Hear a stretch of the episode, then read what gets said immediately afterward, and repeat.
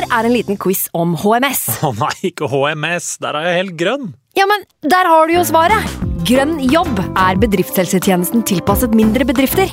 Våre HMS-eksperter hjelper mer enn 8000 bedrifter over hele Norge med alt fra lovpålagte HMS-krav til pålegg fra Arbeidstilsynet. Få på plass bedriftshelsetjeneste på grønnjobb.no. Hallo? Jeg kommer fra Oslo politikammer. Ine Jansen er purk. Er du purk? The motherfucking bitch. Alt jeg vil, er å finne ut hva som skjedde med mannen min. Jon Carew. Er jeg sikta for noe? Iben Akeli. Det er du. Ole So, Lars Berrum og Big Daddy Karsten. Hvem sin side er du på, egentlig? Anette Hoff, Tone Danielsen, Kommer du fra Afrika? Jørnis Josef, Nesten. Kløfta. Trond Espen Seim, Det er synd å si det, men det var feil mann som døde. Purk. Premiere tirsdag på TV2 Play.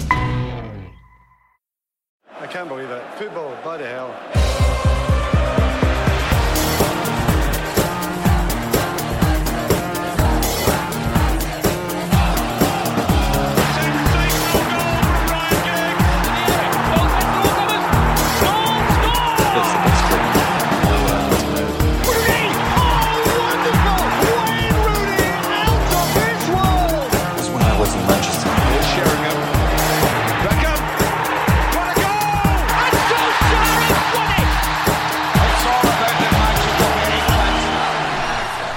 Ikke noe mikk-makk i dag, vi kjører bare rett på sak. Siden sist, United har spilt to 1-1-kamper, og 1-1-kamper har jeg egentlig sagt nok om. Jeg har ikke noe mer på hjertet om det sånn generelt. Eh, en meget frustrerende en, hjemme mot Bournemouth. En litt mindre frustrerende borte mot Rostov. Eh, VGTV-sjef Martin Jønvold, velkommen. Takk. Asbjørn Slettemark, eh, poddens Berlin-korrespondent, velkommen til deg også.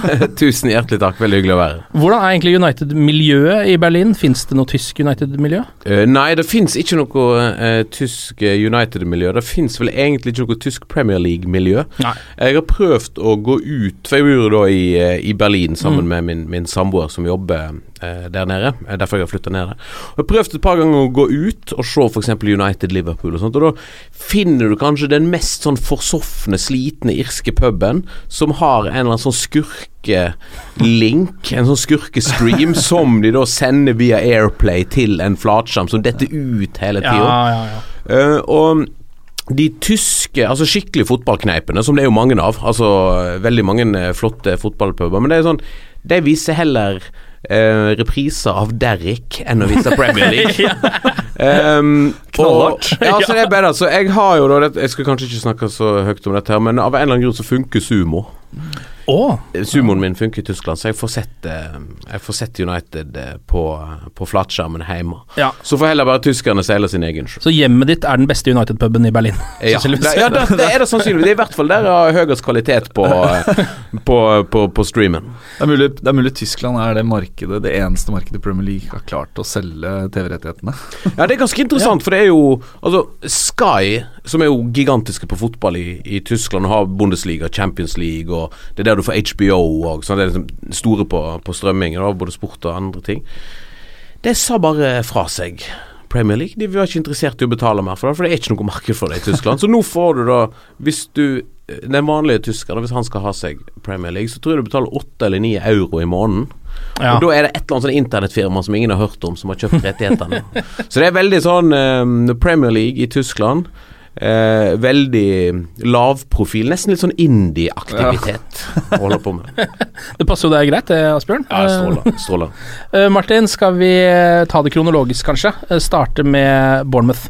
Ja, det var var jo jævlig frustrerende. Ja. Jeg fatter ikke at jeg satt i det samme pod-studio som vi er nå for ei uke siden og meldte at jeg trodde vi skulle vinne 4-1. Det var jo helt sjanseløst. Nei, 4-0, tror jeg faktisk jeg sa. ja. Nei, men det, var, altså, det er jo den samme kampen som vi har sett uh, Hvor mange ganger er det? Sju-åtte ganger. Hjemme mot, uh, Hjemme mot bunnlagene. et lag vi skal slå lett, og så stokker det seg bare til. Uh, jeg syns uh, andreomgangen mot Nei, det var, det var verre enn Det var verre enn noensinne. Vi spilte jo med, mot ti mann. Mm. Og jeg syns ikke vi skapte noe særlig i den andre omgangen heller. Det, det, var, liksom- det var bare jævlig frustrerende å se på. Og det, du så spillerne ble frustrerte og helt sånn handlingslamma, begynte å slå langt. Visste ikke hva Det var ingen som tok tak, roa det ned og begynte å spille fotball. Ja, for det skjedde et eller annet hakkende gale der rundt mellom 15 og 20 minutt. For eh, United begynte jo med et voldsomt øs mot Ja. Bournemouth eh, sitt mål. Hadde vel Altså, det er sånn som han alltid sier, men en kunne jo kjapt ha leda 3 og 4-0 eh, før det har gått et, eh, et kvarter der, med riktig uttelling. Sånn som f.eks. mot Arsenal, når de vant 8-1 Ja, ja, for, ja. eh, for noen år siden. Um, men så la jo Bournemouth seg veldig høyt, selv om de fikk dette presset mot seg. Så la Bournemouth seg eh, veldig høyt, og på et eller annet eh, vis så fikk de da full uttelling av den gamblingen. For det, det var jo en gamble Burnmouth gjorde Ja. om å komme til Old Trafford og legge seg høyt. Da klarte de på et eller annet vis å få et litt sånn seiersikkert mannskap ut av rytmen tidlig. Og det, den rytmen fant aldri United igjen. Og det er litt sånn som, eh, som Martin sier, at en begynte å bli stressa og frustrert, og du så frustrasjonen i laget kom mye tidligere enn hva han egentlig skal gjøre for et lag som har hatt så god flyt, og som kommer rett fra en, en triumf i ligacupen, sånn som, som United. Ja, det er en halvtime igjen av kampen. Liksom Slapp av, ta tak, begynne å spille fotball. Få en rytme. Dere spiller mot ti mann. Uh, det føltes uh, akkurat der og da som man mangla litt sånn ledertyper. Som, eh, som, kan, som kan finne roen. Mm. Og så er det, jo et, er det jo et problem for Manchester United at Paul Pogba ikke setter Sånn som dere snakket om på forrige, på forrige podcast, at ikke han setter 10-15 mål Ja. i året. Og Da ble jo veldig tydelig mot Bournemouth at Ja. han har et problem med å skåre mål. Og da må jeg si at overrasker meg litt, for eh, altså Kanskje jeg har litt sånn feilaktig inntrykk av Paul Pogba som sånn vill målskårer. For at en av de YouTube-videoene jeg har sett aller mest, er det der sinnssyke eh, målet Paul Pogba har. Er det fra sånn 35-40 meter? Den bare skrur ballen. For Litt sånn, Juve? ja, for, for Juventus. Litt sånn à la da Roberto Carlos skårte for Brasil mot Ja. Frankrike i prøve-VM i 7 Den der der, ja. Mm. Ja, og et par sånne mål har Pogba skåret for Juventus. Så har jeg sett Kanskje jeg har bare sett de samme målene om igjen og om igjen. Jeg har sånn inntrykk av at han skårer sånne helt sinnssyke mål, Ja. la sånn som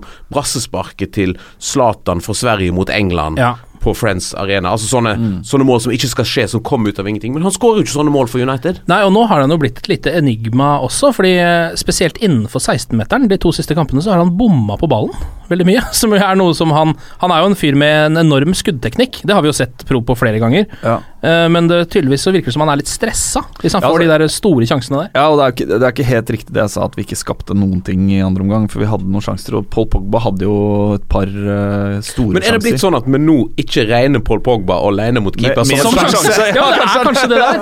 Men Det jeg når han kommer alene i første omgang der, når han løper fra det som er Ja, ja, ja. etter den lange poleballen Ja, ja, bak eh, Så sitter jeg og bare Ok, nå er han alene med keeper. Jeg tror det er 10% sjanse for at det blir mål. Ja. Tenker jeg, tenker Ja. jeg rekker jeg å tenke før han da bommer. Og når, han, eh, når ballen detter ned i beina hans eh, fire minutter Ja, på overtid så der, bommer han på ballen. og du på en måte eh, Frustrasjonen har eh, passert toppnivå for frustrasjon, Mm. og du bare veit at dette her kommer til å gå til helvete. eh, 20% av tilskuerne har sannsynligvis bare dratt Ja. uh, fra Old Trafford allerede.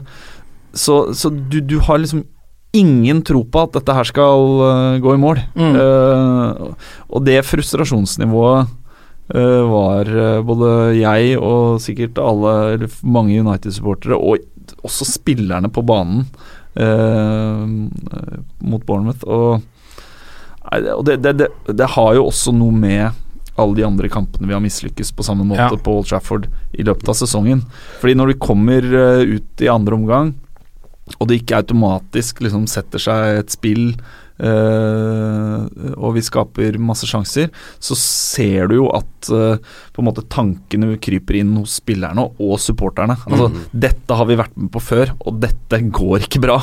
Altså det, Eh, det store problemet til United er jo, og det er jo helt åpenbart uh, Det er jo at en spiller uavgjort, og da gjerne 1-1, mot lag når en har muligheten til å ta et steg opp. Sånn som nå. En Ja, hadde muligheten gang, til ja. å ta fjerdeplassen med en seier, men gir 1-1. For at Det er det lille ekstra presset der. ja, samme Watford også. Mm. men det interessante her er at da at United spiller masse uavgjort, Det er ikke noe nytt. Det har de gjort i noen av sine aller største sesonger, men da har de spilt uavgjort uten at det har fått de samme konsekvensene. For Hvis du går tilbake til Champions League 98-99, eh, da United vant The Treble og endte opp med å slå Bayern München i finalen. Gruppespillet, Champions League. To seire, fire uavgjort. Ja. Spilte 1-1 borte mot både Milan og Juventus i kvartfinale og semifinale. Det vil si at den spilte seks uavgjort-kamper av de ti, først, ti kampene før finalen. Men det får ikke konsekvenser på samme måte som nå. Nei. Nei, altså uavgjort mot uh, Milano og Juventus kan jeg leve med, men Ja, Watford du ja. Bournemouth hjemme, det er litt tyngre. Og, Ja, det- ja, jeg ser det, men Ja, men Det er jo en vanskelig materie å tråkke inn i også, for nå har vi jo sett det så mange ganger at det samme skjer, og det er jo fortsatt uh, veldig merkelig når du ser hvor mange sjanser United har. Eh, men så er det jo et eller annet med den avslutningskvaliteten som ikke er bra nok. Da. Det er, vi har vært inne på det her at altså, nå var jo nok en gang eh, Keeperen eh, til Bournemouth eh, den beste spilleren på Ja, banen. ja, ikke sant? Sånn som Men det skjer er det jo hver gang. alltid. Ja, det er det jo alltid. Men, når, men nå, det som var forskjellen Altså Zlatan steppa ikke opp eh, i den matchen her. Han Nei. var jo litt ute av det. Mm. Eh, vi kan jo komme tilbake på. Ja, vi kan, Ja. kan komme tilbake til hans uh, Uh, de 90 minuttene han hadde. Men han brenner straffesparket. Det er selvfølgelig, det kan skje, men det er utrolig frustrerende at det skjer akkurat uh, på det tidspunktet. Eh, men når han Han må nødvendigvis ha noen off-kamper, han også. Ja eh, som alle fotballspillere har. Og problemet er jo snarere de spillerne rundt som ikke stepper opp. Eh, Mm. og det har vi jo snakket om. Uh, uh, vi, er vel, vi har vært innom det at både Martial og Rashford ikke har nådd det nivået man kan forvente av de over tid i denne sesongen. Eh, Mata har hatt en brukbar Ja. eh, sesong. Uh, Mkhitarian kommer mer og mer, men det er, ikke, det er ikke nok da i den treeren som skal spille rett bak Zlatan. Mm. Uh, så der bør vi jo definitivt se, se etter noen forsterkninger eh, til sommeren. Ja. Uh, det, det er rett og slett for lite mål fra eh, fra de angrepsspillerne bak Zlatan, og for så vidt også for lite mål fra den sentrale midtbanen eh, representert med Pogba. Da. Og så virker det jo også usedvanlig vanskelig å skåre. Det målet de skårer mot Bournemouth, er jo et slumpemål. Et skudd fra Valencia som går helt ja. skeivt, og så en styring fra Rojo. Så det er minst sannsynlige personen på banen som skal skåre, da. Ja. Og så eh, rett etterpå så ser man f.eks. Tottenham-spillet, eh, og de har fire sjanser å skåre på alle, liksom. Mm. som jo bare gjør at man bare sånn I alle steikes dager, hvor vanskelig skal det være, da? Jeg følte vel ikke Det var ikke det heldigste laguttaket Mourinho har hatt, og kanskje heller ikke de heldigste byttene underveis i matchen. Og så skal man ikke skylde på det, fordi det er Bournemouth hjemme, og det skal vi Ja. vinne. Uh, men Phil Jones var vel tilbake eh, etter en stund på sidelinja og var, virka jo ganske rusten. Han gjorde det. Eh, rota det til Lagde straffesparket, som King skårte på. Uh, og eh, nå var for så vidt Luke Shaw var jo et positivt lyspunkt. Ja. Jeg så noe Oppda-statistikk som viste at han var på en måte Var den mest solide i uh, forsvarsfireren. Han starta heidundrende, husker jeg, opp og ned langs venstresida der. Og Og gikk jo inn i masse i taklinger og vant dueller og gikk uh, det, det så lovende ut. da Han uh, var Han var virka tent på å gi et godt inntrykk til Mm. Mourinho. Det, det Men, men, men Rooney Ja. Altså, Ja. nei. Ja. Det skjer ikke, liksom. Nei, det gjør jo ikke det. Det har vi jo for lengst konkludert med også. Mm. At det kommer jo ikke til å skje så Tenk at han er han tre år yngre enn Zlatan? To år yngre Ja, enn Ja, Zlatan? jeg tror han er mer. Jeg tror han er i hvert fall fire år yngre. Mm. Uh, hvis Zlatan er 5-36, så er Rooney 31 eller noe sånt nå. Ja. Ja, men det er, jo, det, er, det er jo dette med kroppen til Rooney som han har snakka om så mange ganger. Zlatan var jo en uh, liten benger, og så la han på seg vel mer og mer muskler underveis i karrieren, som sikkert var uh, Mm. Lettere måte å ta vare på kroppen sin på. Han har vel saksøkt diverse mennesker for at eh, de har stilt spørsmål med hvordan han fikk så masse muskler på seg da han var i eh, Juventus. Ja, han har det, ja. For der skjedde det jo en del ting på den tida. La oss, la oss ikke snakke mer om det i den podkasten her, for jeg tror ikke moderne media nødvendigvis har ressursene til å gå inn i den, gå inn i den eh, materien. Ja. Men det som jo er de store, det store samtaletemaet etter den kampen, er jo allikevel ikke målene eller de tapte poengene til United. Det er jo det som skjer mellom eh, Zlatan Ibrahimovic og Tyrone Mings. Ja, og, det, det, det, og særlig pausen, vil jeg si, for da, da hadde jeg nesten glemt at uh, nå var det 1-1 til pause uh, nok en gang. Uh, det eneste man snakka om, var jo den situasjonen i første omgang der mellom Zlatan og Mings. Eh, i pausen så tenkte jeg, og jeg, da så jeg også Carriger var ute og meldte på i studio til Sky at uh, he deserved a slap for that. Mm. Uh, og det var vel uh, på en måte, i hvert fall sånn jeg så det også, at jeg kunne godt forstå hvorfor han dunka til den Etter å ha blitt tråkka i huet. Uh, og så kan man, når støvet har lagt seg og man er litt etterpåklok, så kan man selvfølgelig stille spørsmålstegn ved hvor smart det var, med tanke på at han nå er ute tre kamper. Mm. Og en av de er bort mot Chelsea. Uh, men Zlatan er Zlatan. Altså, jeg forventer ikke verken noe mer eller mindre enn Nei. at han uh, tar igjen på noe sånt. Nei, altså Hvis du ser på historien til Zlatan, så skal en jo faktisk Og det er litt overraska egentlig både meg sjøl og andre at en ikke har liksom, tatt dette med i beregningen før sesongen når det gjelder Zlatan. For at når det gjelder Zlatan, så skal du regne med at omtrent hver sesong eller annenhver sesong så kommer en eller annen eh, suspendering for den typen eh, aktivitet. Altså han enten det å sparke lagkamerater eh, Han skjelte ut eh, Guardiola og kasta en bruskasse i ansiktet på han eh, eh, da han var i, i, i Spania. Han sparka vel ned keeperen til Sankt Etienne i, Ja, i franske ligaen. Ja. Mm. Eh, og han uh, albua en Valencia-spiller i eh, Champions League en gang. Ja. Fikk, ble utestengt.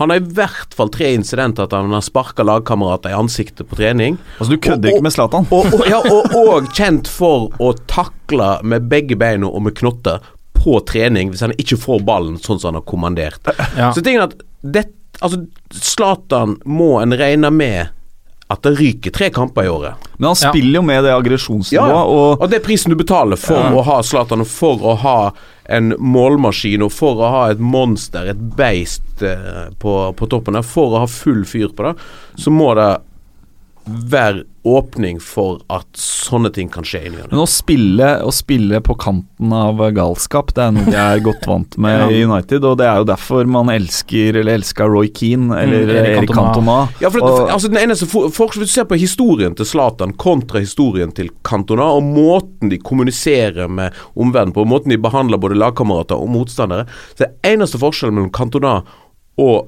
Zlatan er at Cantona gjorde én ting som var veldig mye drøyere når han sparka en, eh, en tilskuer i, Mm. i brystet. Men sånn ellers så er Zlatan på samme aggresjons- og arrogansenivå som Cantona var. Mm. Men akkurat, for Det er morsomt, for det bare kort innom den der Cantona-episoden når han sparker en tilskuer i brystet. Jeg tror at eh, i 1995 så ble jo det en gigantisk skandale. Seks måneders utestengelse. Mm. Tror du det ville blitt eh, seks måneders utestengelse og en like stor skandale i 2017, når man tenker på at han eh, skrek rasistiske utsagn eh, mot mor og og moren og i det hele tatt Altså, Jeg fokuset jeg- på oppførsel fra tribunen er noe annet Altså, nå enn for 20 nei, år siden. Jeg, jeg, tror, jeg tror faktisk litt omvendt. Jeg tror at hvis noe sånt hadde skjedd i dag, så hadde du røket på et år eller to. Jeg tror, jeg, jeg, tror, Mm. jeg tror kanskje han hadde fått eh, kortere straff. At han hadde, hadde blitt møtt med mer forståelse, på en måte. Du opplever jo det, det er mye saker i media på uh, spillere som blir eh, utsatt for uh, rasisme, uh, går av banen. Altså, der, Ja. Og riktig, og det er helt riktig, at all sympati skal da ligge ved spilleren, og nå er det jo da tilfeller der spilleren ikke sparker noen tilbake eller eh, går til angrep, men jeg er litt usikker på om eh, Ja, Cantona ville Hvordan tror det- eh, altså, Altså, hvis- hvis- samtidig ville bedømt Cantona, da. Altså Hvis United gir Zlatan en toårskontrakt, da, så er det en sånn 12-14 sjanse for at vi kan, Få eh, hvordan verden reagerer på noe sånt. Men skal vi ta det der med en gang, siden du nevnte det, Asbjørn? Eh, for det, det er jo det det er snakk om nå. Uh, egentlig så var det jo meningen at Zlatan skulle få fornya med ett år, som var det de ble, hadde blitt enige om før. Men Zlatan krever da tilsynelatende et- en toårskontrakt. Um, vil det være lurt, tror dere? eller? Når lever, Zlatan leverer jo som et helvete, da. Altså Han leverer um, som et uvær, uh, men det aller viktigste er jo at han ser fysisk ut som han er i toppform. Um, og meg og Martin diskuterte det litt, eh, litt i går etter vi var ute, hadde vært ute og sett Rostov-kampen. Og jeg har fått Altså Siste, siste månedene etter jeg så Tom Brady avgjøre Superbowl for New England Patriots i en alder av 39 år, Ja. Eh, Og hvor han da etterpå går ut og sier at han ser for seg at han gjerne kan spille sånn deep into his 40s Mm. eh, i en ekstremt fysisk krevende sport. Eh, på toppnivå, både fysisk og mentalt. Så tenker jeg at kanskje da er neste steg i utviklingen av de perfekte fotballspillerne at en strekker årene de kan spille. Altså de tar så godt vare på sine egne kropper at de har så gode og progressive trenings- og kostholdregimer at en kan strekke toppnivået til en Mm. spiller som Zlatan fra nå, da, som det egentlig skal begynne å gå nedover 35 til kanskje 37-38. At du kan nærme deg det toppnivået eller lengden på toppnivået som keepere har, som jo Mm. fort kan spille til de er 40, Mm. Derfor eh, Altså Når en ser på hvor godt Zlatan holder seg, og hvor alvorlig han tar det å holde seg i form, um, så tenker jeg at altså To år gir han tre år, da. Samme, da. Ja, for det her er jo på en måte Det er jo to sider her, hvis, hvis det er to sider. Jeg tror veldig mange United-sportere bare vil ha Zlatan, og om det er to år, så er det greit. Ja, ja. Men så er det jo mange også som da mener at da kommer det jo det på en måte Til slutt så må han jo gi seg, og da kommer det i veien for den unge, nye spissen som vi skal Ja, dyrke fram. Jo, men, men samtidig, du kan jo øh, Du kan jo signe Zlatan i to sesonger til, og så trenger han ikke å spille hver kamp som han har gjort i år. Nei, da blir jo det et Eh, umoment, det vet man jo Ja. allerede nå. At det blir jo ikke lett, det heller. Nei, men, men, øh, men, men jeg, jeg tror på teorien til øh, Asbjørn. Altså at Zlatan fysisk kan levere i Premier League-klasse, og kanskje også verdensklasse, sånn som han har tidvis gjort i United-trøya, i et par sesonger til. Jeg tror øh, den teorien gjelder for hvis du ser på en Ronaldo i Real Madrid, en fyr som Han tar jo vare på kroppen sin, ikke bare fordi han vil være verdens beste fotballspiller så lenge som mulig, men også fordi han liker å se seg sjøl i speilet. Så han får en slags sånn dobbel gevinst av å spise riktig og trene mye. Ja, og da tror jeg Eh, men, eh, Angående Ronaldo, men så òg for så vidt Zlatan. Og det, det tror jeg det gjelder litt det samme som Jeg hørte en teori da om Tom Brady, altså quarterbacken til New England Patriots, at han har vunnet så masse at den neste utfordringen er å vinne over Father Time. Ja.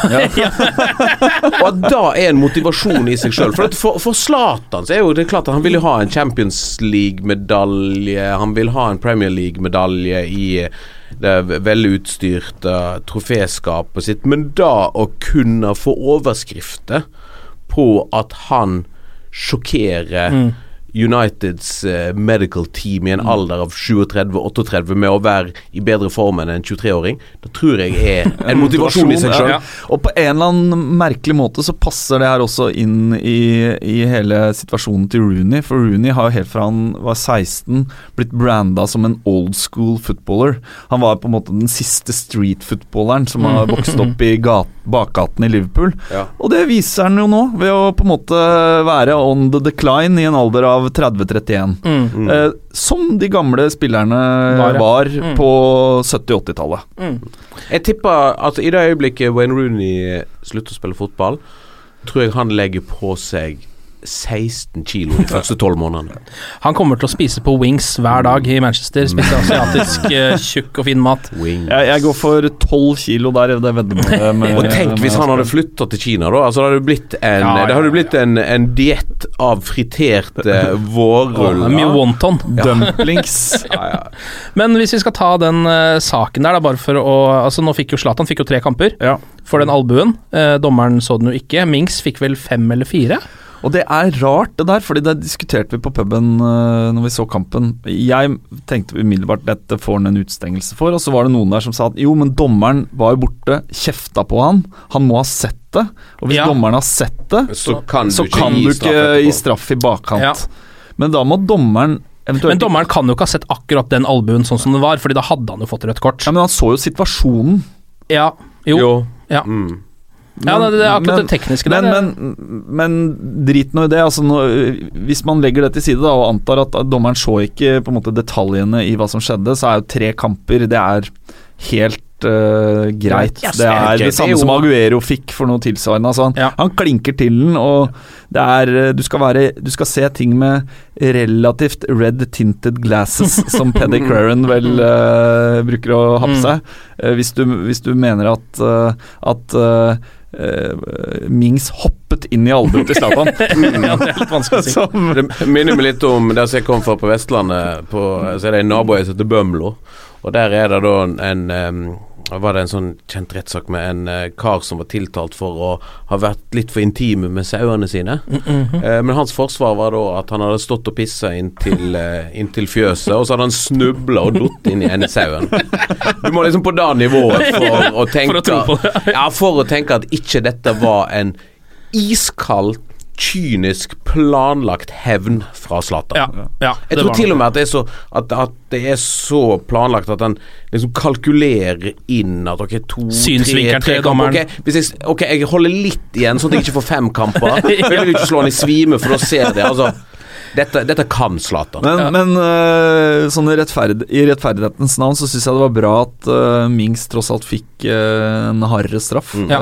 For det han gjør, er drøyere på alle mulige måter. Ja. Og, han kan melde i, så mye han vil at han ikke mente å gjøre det, men øh, han stempler Zlatan i bakhuet, og det ser Ja. stygt ut. Jeg lurer på hvordan Sermon følte seg eh, når han så dette her og ble utvist. Eh. Ja, det, Å ja, det var du som ble utvist, da! Greit, ok. Svarteper! Ja, det er en liten smell, altså. du, du får melding hjem eh, fra skolen for å røyke sigaretter, og så har ikke, har ikke læreren sett eh, de som sitter og drikker vodka bak seg. Ja, og røyker weed på Ja. andre sida der. Ok, men skal vi eh, bevege oss videre til eh, Rostov-kampen, eh, Ja. som jo var i går.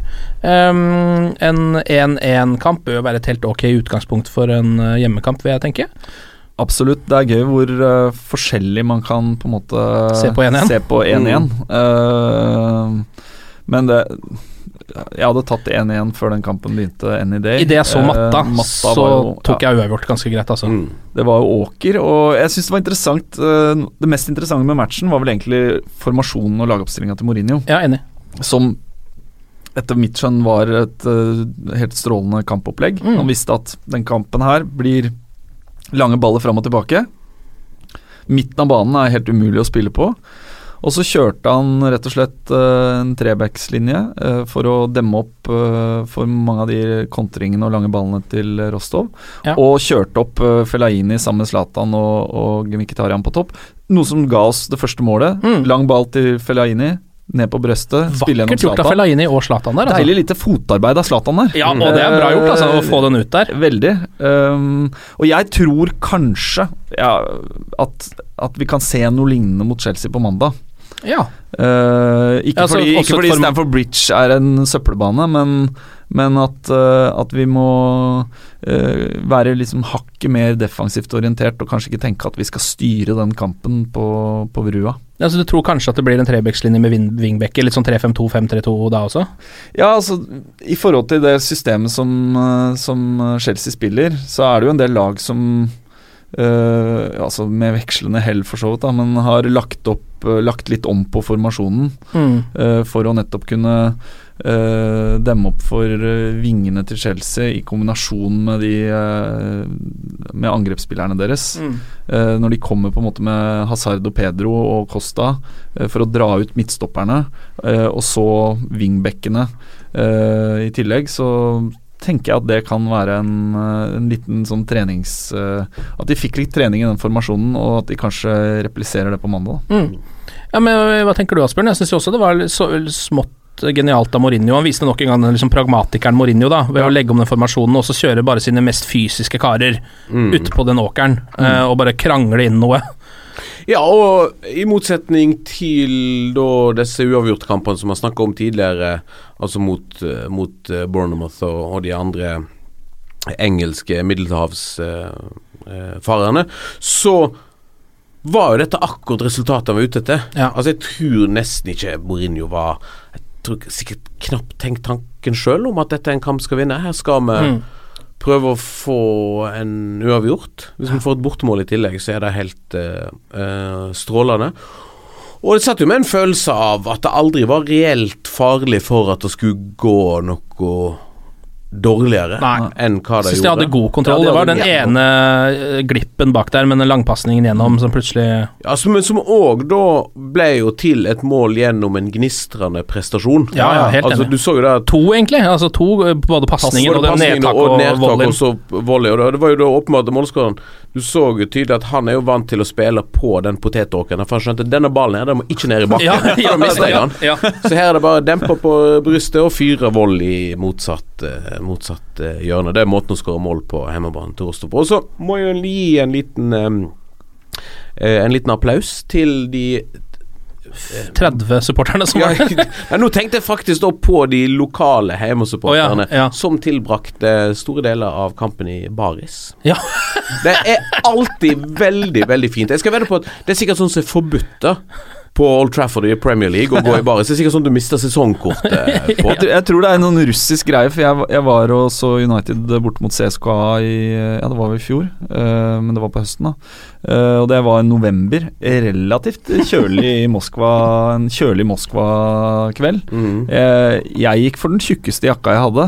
Ja, du kjørte norsk stil med, med ett lag ull innerst Mm. og allværsjakke. Ja, ja, ja, ja, jeg duna på. Eh, men eh, hjemmesupporterne, der var det, var det bare overkropp. Ja, ja. Så Smør det vel gjerne inn i et eller annet sånn grisefett for å holde varmen, så- og så roper du litt sånn eh, høyrevridde slagord høyt nok til at du får nok blodsirkulasjon gående til 90 minutter. Jeg, jeg tror ikke det er ulovlig i England, for jeg mener at om det er enten Sheffield Wednesday. er Wednesday. Han er Orango-man, eller hva Ja, heter. ja, ja. Eh, en sånn klassisk tribunekar. Ja. bar overkropp. Ja, også- men ikke han, har ikke han, har ikke han eh, sånn kroppsmaling i Ja. oransje? For at han eh, En sånn kopi av en eller annen eh, karakter i en brusreklame. Orangin eller Orango, Ja, sikkert, et eller annet. Ja. Ja. Men han kjører jo baris. Ja, det er vel en Portsmouth-supporter også som kjører en sånn type stil med noe kroppsmaling, har jeg sett. Um, Det er veldig, veldig vakkert. ja, det er nydelig. Men jeg tror altså jeg, Det var en viktig kamp i går. uh, for uh, vi skal slå det laget her på hjemmebane. Uh, og jeg tror Mourinho virkelig har satt øya i det Europa League-trofeet. Mm. Eh, det er en inngangsbillett til Champions League, det er én ting. Eh, men det er, det er en europacup som United aldri har vunnet. Så vidt jeg veit, har Mourinho vunnet den med Har han det? Har han vunnet det? Nei, det tror jeg ikke. Vant han det første sesongen med Porto, før, og så vant han Champions League året Nei, Nei, det, ikke, det ristes på hodet fra for det eksisterte vel ikke Europa League da han Nei, var i nei, Porto? Jeg tror ikke det. Nei, for jeg bare ser på da liksom noen av laga som, eh, som er igjen. Altså Roma tapte 4-2 eh, for Lyon i går, Mm. uh, men ett av de to ryker. Ja. Uh, og så har du Schalke og Borussia München Gladbach. Eh, som ett av de to ryker, de møtte hverandre. Gent og Genk, et av de to ryker jo også. Ja, Det er lov å håpe at vi får en uh, tur til Belgia hvis vi slår Ja. ut uh, Rostov. Men altså, det er jo ikke voldsomt mye kvalitet igjen i denne turneringa. Så vi bør ha Altså, jeg vil, jeg vil anta at vi allerede er uh, Bookies favorite. Ja, det vil jeg tro. Uh, Til tross for at en da er fotballaget som ikke klarer å slå Watford, Hull, Bournemouth, Burnley eller ja. Ja, men jeg kjenner jo at den der gløden, eh, lysten etter å vinne det trofeet der, har jo vokst hos meg noe kraftig utover Ja. sesongen, altså. Og det har litt med den Champions League-plassen å gjøre, men det har også litt med den gode, gamle følelsen av Europa, som vi ikke har hatt på en stund. Å spille en kvartfinale, spille en Ja. semifinale. og lysten etter å sette meg på toget til Stockholm med en kasse øl og noen gode United-kompiser, er absolutt Ja. eh, til stede, den også. Og så er vel dette Er det finalen ute i mai en Ja. gang? Mm. Og da, vet du, i Stockholm, Ja. da går det an å gå i baris. Ja, oh.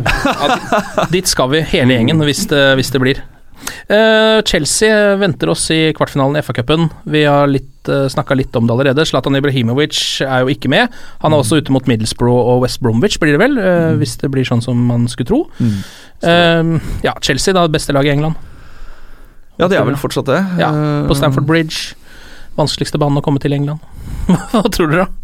Jeg, jeg, jeg tror det blir eh, tøft, men eh, de har vel ikke imponert like mye nå de siste eh, månedene som de gjorde en periode i høst. Det har Altså- egentlig imponert mest med at de har klart å ta de poengene de skal i alle kampene, ikke med Ja. spillet sitt, sånn som de gjorde tidligere. Nei, altså Det er litt sånn problem om å analysere den kampen, for det er en sånn typisk cupkamp som Jeg minner meg om f.eks. hver gang United spiller mot Liverpool i Premier League. En sånn At du- som- alle kort må bare hives, ja. Altså det er følelsen av at det har ikke noe å si hva som skjedde i forrige kamp. Det har ikke noe å si om form. Det er et eller annet Kampene eksisterer i et sånt eget univers, Ja. nesten. Um, som gjør at jeg Altså, det er masse scenarioer en kan se for seg, men jeg, jeg klarer ikke å forutse hva den kampen skal bringe. Mm. Altså det, er- det er ingenting som kommer til å overraske meg med den kampen, enten det er at United gjør sin uten sidestykke beste kamp under Mourinho vinner 3-0, eller en får en helsesmell og blir sendt hjem med 5-0. Altså, Ja. Mm. Ingenting vil overraske meg. Men jeg er litt spent på liksom, approachen Mourinho kommer til å ha inn mot kampen, altså sånn taktisk. Eh, jeg var og så matchen eh, i oktober, når vi tapte 4-0. Det gjør meg også dessverre ikke i stand til å analysere helt hvordan vi spilte, siden eh, eh, Foranledningen til matchen var et relativt langt pubbesøk. uh, og etter kampen så drakk man jo bare for å glemme. Ja, jeg. Eh, og det lykkes jeg ganske greit med. Ja, det kan jeg tenke meg. Eh, men men jeg mener jo å erindre at vi forsøkte å dominere possession i den matchen. Eh, og ta kontroll på midtbanen og, og ha mye ball. Eh, jeg kunne tenke meg å sett en approach der vi legger oss litt mer bakpå. Sier til Chelsea ok, nå må dere spille fotball, og så skal vi kontre lynkjapt med Rashford, Martial, Mkhitarian. Litt som de gjorde mot Liverpool borte, det var det ikke det? Da Liverpool eh, i, nå i år? Ja, det, jo, jo, for så vidt. Mm. Da hadde vi jo okay. Zlatan, men vi, vi stengte i hvert fall bra bakover. Eh, og så kan vi banke inn et uh, kontringsmål eller to. Det hadde Mm. vært uh, Det hadde vært digg. Jeg føler jo litt at det er i den grad United har gratiskamper, så er det kanskje litt denne, hvis du skjønner. Altså Nå er de jo med i alle Mm. turneringene. Mm. Og jeg vil vel på en måte tenke Nå har de allerede vunnet ligacupen, så de har liksom tatt en sånn Tatt en cup. Mm. Europaligaen og ligaen vil jeg se på som liksom høyere prioritet da Mm. enn denne kampen, spesielt fordi det er mot Chelsea. Ja. Som er en sånn den, Ok, den kampen skal vi kanskje ikke vinne. Um, jeg håper jo ikke det uh, vil vise seg på laguttaket hans. Jeg håper han stiller sitt beste lag. Ja, han har vel allerede vært ute og sagt at han, han kommer ikke til å stille med noen spillere fra Nikki Butt sin eh, sitt rekruttlag. Det er like greit. Så, så nei, jeg forventer at han tar ut et, eh, et sterkt lag, men uh, nå har uh, Og at det kommer til å være mye tempo på topp. Eh, Rashford ble spart i går, han starter garantert. Martial hadde et lite innhopp. Mm. Uh, Mkhitarian ble tatt av etter eh, en time, Ja. 70 minutter. Uh, så Nei, jeg håper de tre starter uh, på topp, og så uh, Og så får vi ta det derfra. Mm. I, en, uh, i en slags eh, 3-5-2, men eh, hvor eh, henholdsvis da Zlatan og Fellaini byttes ut med Rashford og Martial fra start. Mm. Skal vi tørre å komme med et resultattips, eller? Asbjørn, har du lyst til å prøve? 3-2 til United. Åh, det var deilig. Tenk deg så mye mål òg. Hva tror du, Martin? Altså Jeg er alltid sånn Jeg er positiv. Altså jeg, jeg tror ikke nødvendigvis vi vinner den kampen her, men jeg håper vi vinner, og jeg håper vi vinner 2-0. Ja. Eh, jeg tror realistisk 1-1 omkamp. Eh, flere kamper for United. vi eh, driver jo og kårer tidenes United-spiller. Nå har vi kommet helt til finalen. Den eh, står da mellom eh, Ryan Giggs og Paul Scholes. Den eh, legger vi ut på Twitter-kontoen til United We Podcast som en avstemning. Så bare gå inn der og stemme på din favoritt. Glory, glory!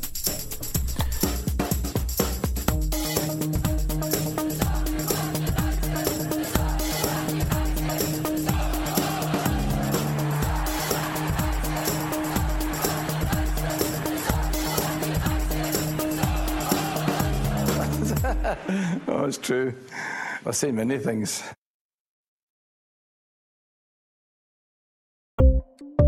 Ukens annonsør det er matkasseleverandøren Hello Fresh. Der kan du velge mellom 25 ulike oppskrifter hver uke, eller få Hello Fresh til å sette sammen en meny for deg.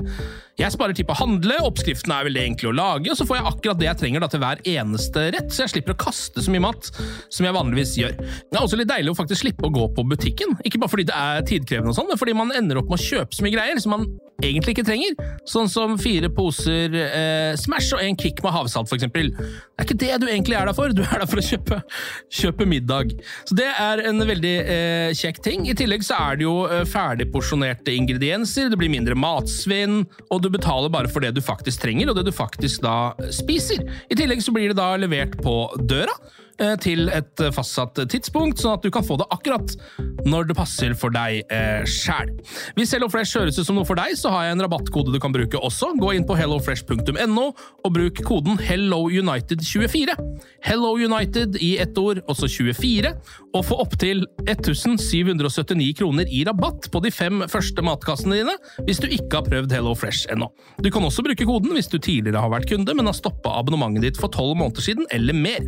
Det er ingen bindingstid, og du kan pause eller avslutte abonnementet ditt akkurat når du selv måtte ønske. Husk koden HelloUnited24, og bon appétit! Ukens annonsør er Folio, en smartere banktjeneste for deg som har en egen bedrift eller ønsker å starte for deg selv. Folio er en superenkel nettbank for bedrifter. Som kunde i Folio får du en bedriftskonto med et bedriftskort og app. I denne appen er det smarte løsninger som forenkler regnskapet ditt, uansett om du har en liten bedrift eller et enkeltpersonsforetak. Folio er både intuitivt og brukervennlig, og er laget med et enkelt språk. I tillegg tilbyr de forutsigbare priser og ingen skjulte gebyrer. Skulle du likevel trenge det, så kan du snakke med deres raske og hyggelige kundeservice, og der får du prate med en faktisk person og ikke en chatbot. Folio er med andre ord både enklere og koseligere enn banken. Over 10 000 bedrifter har allerede valgt Folio som sin banktjeneste, så besøk folio.no og se hvordan Folio kan forenkle din hverdag også. Har du et enkeltpersonforetak eller en liten bedrift? Da er du sikkert lei av å høre meg snakke om hvor enkelt det er med kvitteringer og bilag i fiken, så vi eh, gir oss her, vi. Fordi vi liker enkelt. Fiken superenkelt regnskap.